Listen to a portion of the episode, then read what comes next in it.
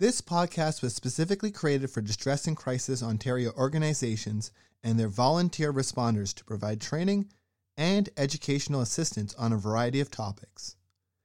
As information evolves and changes, these podcasts are meant to offer ongoing support with the goal of updating them on an ongoing basis.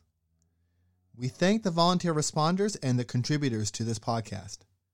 Please visit our website, dcontario.org, for more information and how to access free mental health services. Thank you.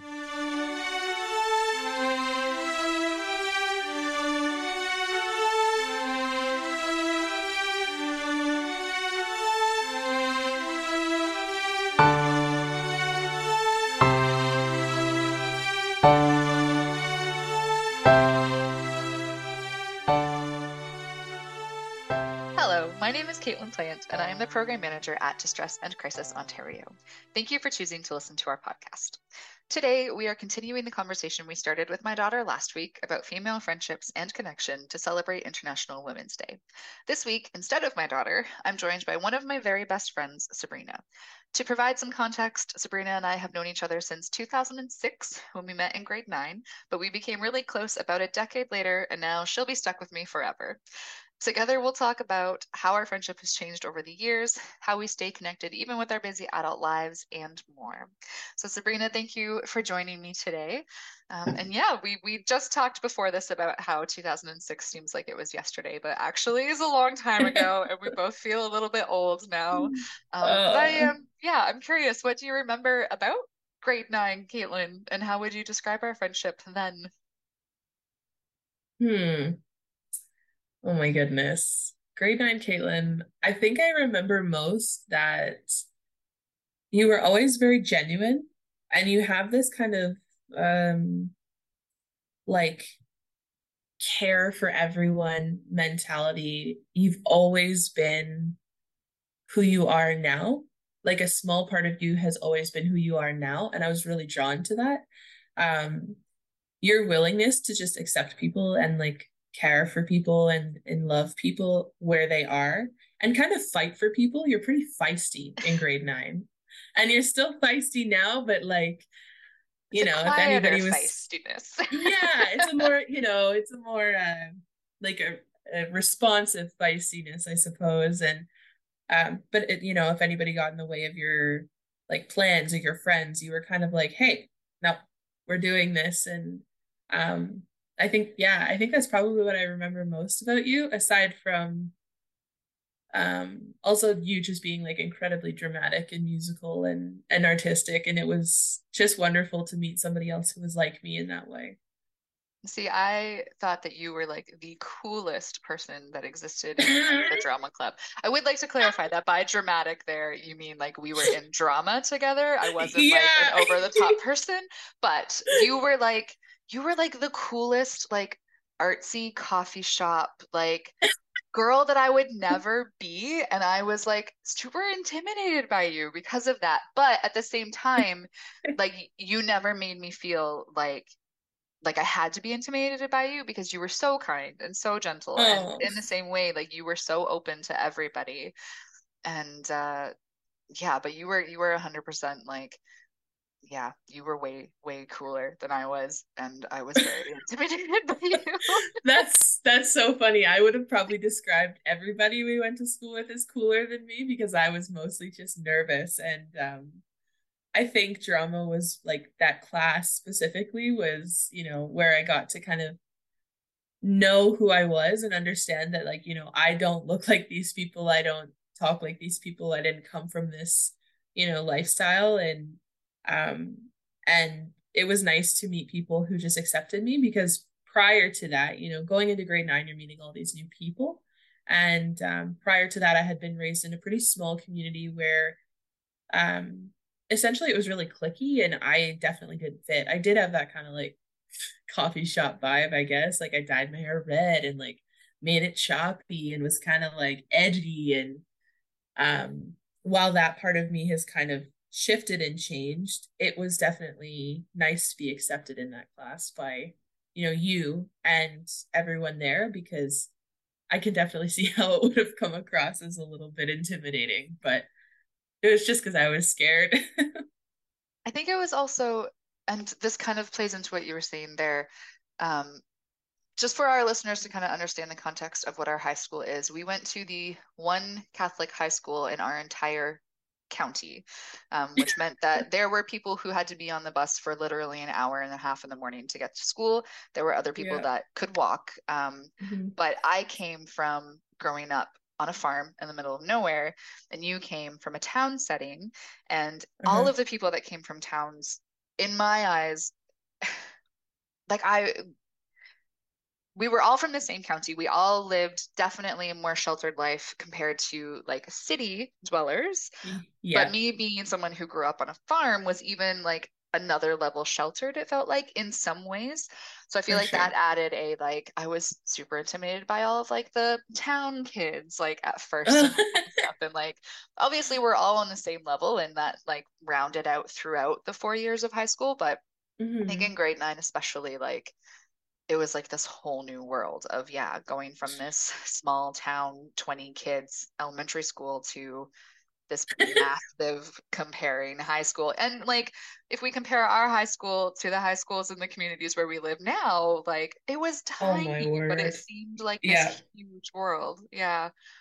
Yeah 100% but yeah so then I, I I was actually gonna say before you move on, I think of uh like when I was teaching a couple years ago and and I had um I had like one class of like kindergartens that was like 35 kids and I was like this is bigger than my whole graduating class in like grade 8 um and so it's it is definitely a contrast to see oh like all of these people um you know have the opportunity to be friends with so many more people and I think it does provide a little bit of a different opportunity to engage with you know different friends and different um different people. And so i like i think grade nine really opened me up to meeting people like you um where i was like oh there are kind people. There are good people. And that was really quite surprising to me because you know my experience of friendship had been like there are potentially five people you could be friends with and none of them choose me. Um and so going into a space where there was 10 people and even one chose me felt kind of like oh my goodness, like this is a whole world of possibility. Yeah, when uh, my daughter and I were talking last week, that's something that she mentioned too that she's looking forward to with high school is having that opportunity mm-hmm. to be able to make connections with more like-minded people. And it's yeah. interesting that yeah, last week I didn't put the connection together that I actually very much experienced that, and I'm excited that she's coming up to that. But yeah, yeah, there were a few years after high school when we mostly lost, lost touch with one another. Um, but then mm. when we did eventually reconnect, for me at least, it did feel like we somehow knew each other even better in that one coffee date that we had than we had before. and and I think that a lot of that is the fact that yeah, we both had some lived experience that we talked about in that kind of first reconnection that we both went, wow, okay, like this person really understands me. And mm-hmm. I yeah, I just wonder what it was like for you when we first had that coffee and caught up? Yeah, I think definitely lived experience is a good um, is a good outline for that because when I left, um, like when I left high school and I had kind of like moved away, I really closed myself into the program that I was in um, in university and and had kind of closed myself off to a lot of things. Um, and so it was never like I I didn't keep any connections. And so there was never a point where I actively was like, oh, I don't know Caitlin or like you were always a thought in my mind. I always thought of you. Like if I was talking about my friends, I would have considered you a friend because that's where my world went. And so for me, it was the same when I when I did see you and we did go out for coffee and we connected and um it was like you know sitting with that same person that i had met in high school but also just on a different level kind of like oh i have more awareness of the world. I have more awareness of who i am as a person. And um, that was kind of honestly quite cathartic because that again wasn't the experience that i had had with most people. Most people you lose touch with you kind of just lose touch with. And and this was like this opportunity to understand that you know not all things from your childhood are tainted not all things from being a teenager are tainted there are good things that you know you can maintain and and it was honestly really healing for me to know okay like this isn't, you know, not all good things come to an end. Um, yeah. Yeah, I went off to university as like a young mom and definitely did the same mm-hmm. thing that I was just I was just trying to get through school. like mm-hmm. my one relationship that was consistent through university was with my daughter because it was the two of us just getting through every day that we could. And it was yeah, towards the end of school for me and, and you were finished school in, in a new city and that's when we reconnected. Mm-hmm. And yeah, mm-hmm. it felt like it felt like taking a breath for the first time in a long mm-hmm. time and just actually being like yeah, there is a person here that I can talk to about all these things and that I can look forward to spending time with. And mm-hmm. yeah, like you said, definitely that reminder of, okay, like everything hasn't been lost and, and I haven't, I haven't actually pushed everything aside that I thought I did. Like we can mm-hmm. come back together and, and make these connections again. Yeah. Yeah. hundred percent. So now we are both people with relatively small social social circles, uh, which I think for the most part we've both chosen for ourselves. And these do include mm-hmm. some shared friends and some separate friendships. And we each have families of our own. Uh, your partner is also one of my closest friends and you are mm. a huge part of my children's lives. Uh, we definitely might not see each other in person as often as we'd like to but we keep in touch. We text all the time. We snapchat. We send each other way more TikToks than people probably should send each other. And we talk on the phone every now and then. We call each other. But uh, yeah, I also know that when I need you, you are there. And hopefully, you know the same that when you need me, I am there no matter what. And yeah. I know that even when I look at the other friendships that I have in my life, there is this other level to the one that I have with you. And I just mm-hmm. kind of wonder if if someone were to ask how we built this kind of friendship or ask us to describe our friendship now, what would your response be? Oh my goodness. Um, that's a, that's kind of a hard question. I think um well I know that for me relationship is really intentional. Um just how I was raised and kind of the chaos that was around me at times, I knew that I wanted to have a small social circle because it was important to me that the time that I was spending with people was purposeful and and was valued and um but the same as I grew and and kind of you know when we re rekindled our friendship um I knew that I only wanted people in my life in an intentional way and um to kind of create that and to build that something that is really important to me is honestly being genuine and being forthcoming and honest. Um, also, just having like boundaries and saying, hey, I, you know, I do this. This is the habit that I have. It's not yours to own, but this is who I am as a person. Um, that honesty, I think, has been what has kind of allowed us to have this friendship um, you know, if I'm working on my schoolwork or like finishing this master's program, especially, this kind of stuff has kept me really busy.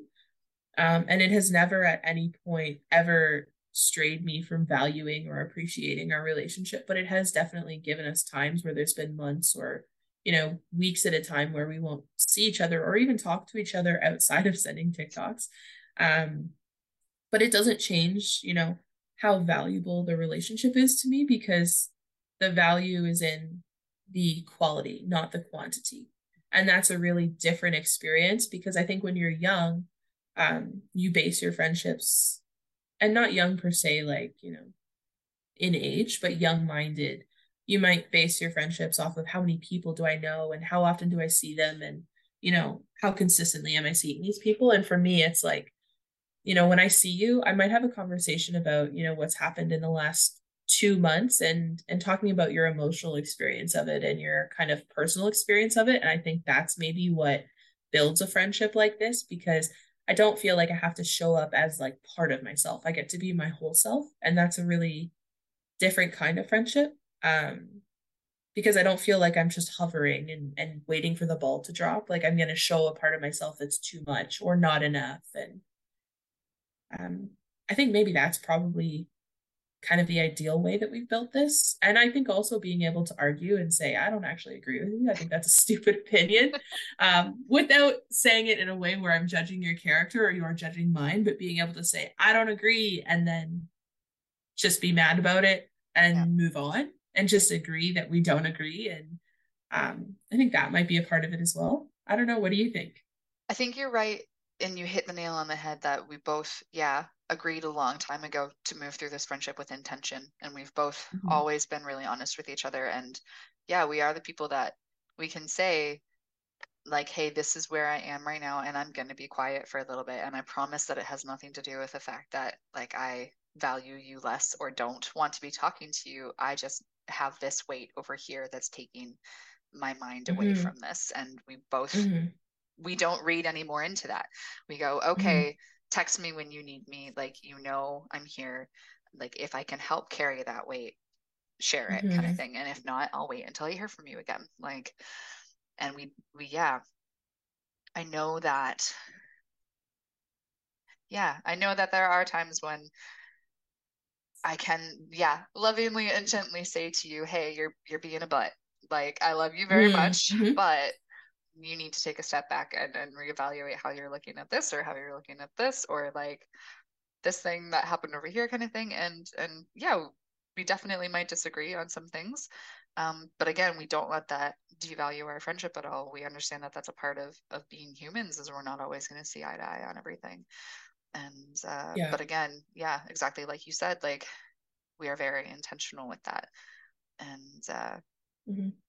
i think that that's the the best way to describe it definitely i agree so, a bit off topic from everything that we've been talking about, but still a little bit in theme. Um, this podcast has stemmed from International Women's Day, which we celebrated on March 8th. And I'm curious about your perspective on this year's theme to hashtag embrace equity. And I'm. Specifically mm. wondering how you think this theme could factor into our friendships and other relationships. And this doesn't necessarily have to be about us specifically, but just in general, kind of how the idea mm. of embracing equity can come into the relationships that we have. Yeah, for sure. I think I honestly think it's a really great um, concept. When I first read the hashtag, like when everyone was talking about International Women's Day and saying embrace equity, um, I actually first read it as equality, and I was kind of it. I was almost like a little bit set away from it because equality is is giving everybody the same resources and the same opportunities and the idea of equity and embracing equity means that we're kind of recognizing that each person has a different set of circumstances and we have to allocate the resources that that individual would need to have an equal outcome um, and i think that's really important to embrace honestly because you know i think of like the school system that's a that's a pretty generic example because most people have experience with it. Um, in the school system, if we teach all people the same thing with the same tools and the same learning opportunities, not everybody gets the same outcome because not everybody learns the same. And that's that might be equality because everybody is getting the same resources and the same opportunities, but equity allows us to acknowledge the individual's requirements for education, their own struggles, their own lack, their own strengths. Um, and, you know, people who are stronger in one area might not need, you know, a resource in a certain area. And so when it comes to a friendship, if things are equitable, realistically, um, you're creating a space for that person to be who they are and understanding that, you know, like we'll use our friendship as an example, but for me, um, I live with my own mental health diagnosis, and I know that there are certain times when I have to take care of that, and that has to be the priority.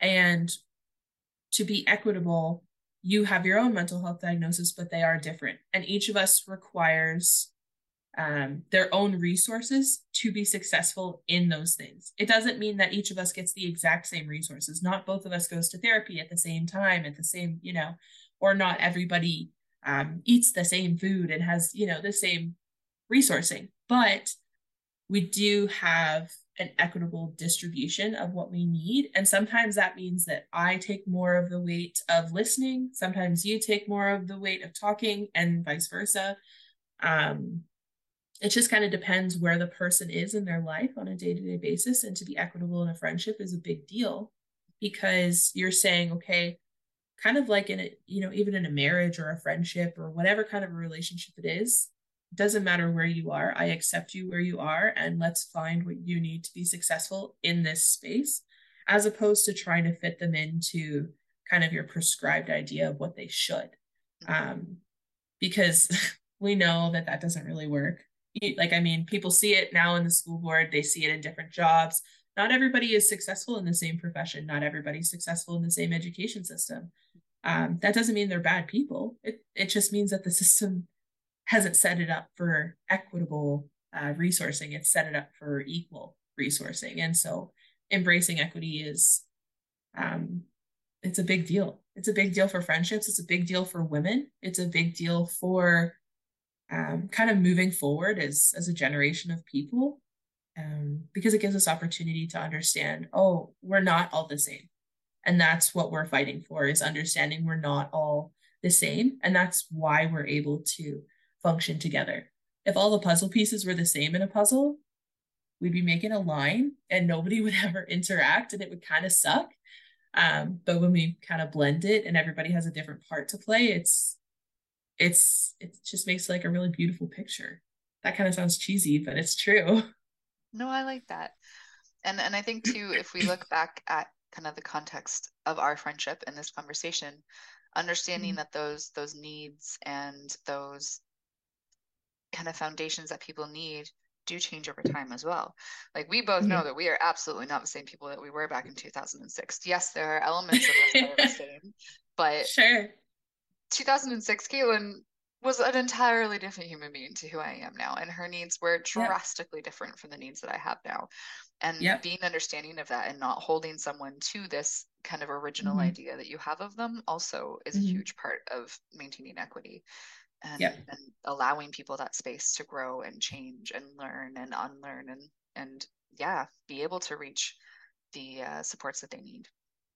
Yeah, yeah, absolutely. I definitely agree. Is there anything else that you would like to add that we haven't already talked about today?